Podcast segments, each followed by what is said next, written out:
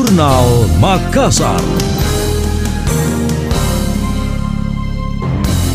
Saya Emil Faris dalam Jurnal Makassar. Saat ini secara umum Indonesia mengalami krisis ruang terbuka hijau atau RTH. Khusus Kota Makassar, ketersediaan RTH masih sangat minim, yakni tidak sampai 10% dari target yang ditetapkan pemerintah, minimal 30%. Hal itu diungkapkan Firna Sofyanti Tamrin selaku Kepala Sub Bagian Pertambangan, Energi, Pertanian, dan Kelautan Bidang Perencanaan Pengelolaan SDALH, Pusat Pengendalian Pembangunan Ekoregion P3E Sulawesi Maluku. Menurut Firna, rendahnya persentase RTH di perkotaan disebabkan oleh masifnya pembangunan infrastruktur dan peningkatan jumlah penduduk. Tidak heran kondisi itu menyebabkan Indonesia secara ekonomi melaju, namun secara ekologi justru menurun. Kalau menurut aturan, RTH itu wajib disediakan dalam jumlah 30% dari luas total wilayah perkotaan. Hmm. 30% eh, ini terbagi dua. Jadi yang pertama adalah ruang terbuka publik dan okay. ruang terbuka privat. Ruang terbuka publik ini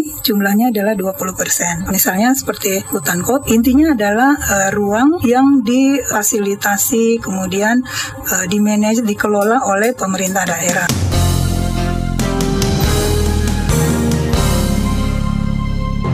Firna menyebutkan berdasarkan regulasi setiap kota kabupaten harus menetapkan perda RTH yang di dalamnya melarang adanya penebangan pohon.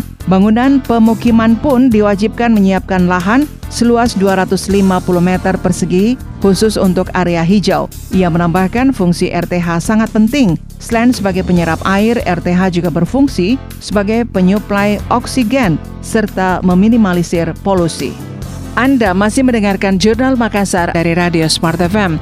Wahana Lingkungan Hidup Indonesia Walhi daerah Sulawesi Selatan merespon rencana pemerintah melepas kawasan hutan di Kabupaten Goa seluas hampir 2 juta hektar. Direktur Eksekutif Walhi Sulawesi Selatan Muhammad Al-Amin dalam keterangan persnya mempertanyakan motif dan urgensi pelepasan kawasan hutan di Kabupaten Goa. Selain itu, pihaknya juga akan segera mengkaji resiko dan dampak dari pelepasan kawasan hutan tersebut. Menurutnya, rencana pelepasan kawasan hutan tersebut akan semakin meningkatkan kerentanan dan menambah resiko bencana, baik di Kabupaten Goa maupun di Kota Makassar. Amin juga mengatakan saat ini seharusnya pemerintah Provinsi Sulawesi Selatan dan pemerintah Kabupaten Goa membuat program bersama dan bekerja keras untuk memulihkan hutan di wilayahnya. Hal tersebut demi mengembalikan daya dukung lingkungan hidup di Das Jeneberang, terutama di bagian hulu. Dengan begitu pemerintah bisa menjaga keselamatan dan keberlanjutan hidup masyarakat. Namun bila pelepasan kawasan hutan dilakukan untuk kepentingan investasi di sektor pariwisata, pihaknya menilai pemerintah tidak peduli dengan bencana ekologis yang terus terjadi di Kabupaten Goa dan Kota Makassar.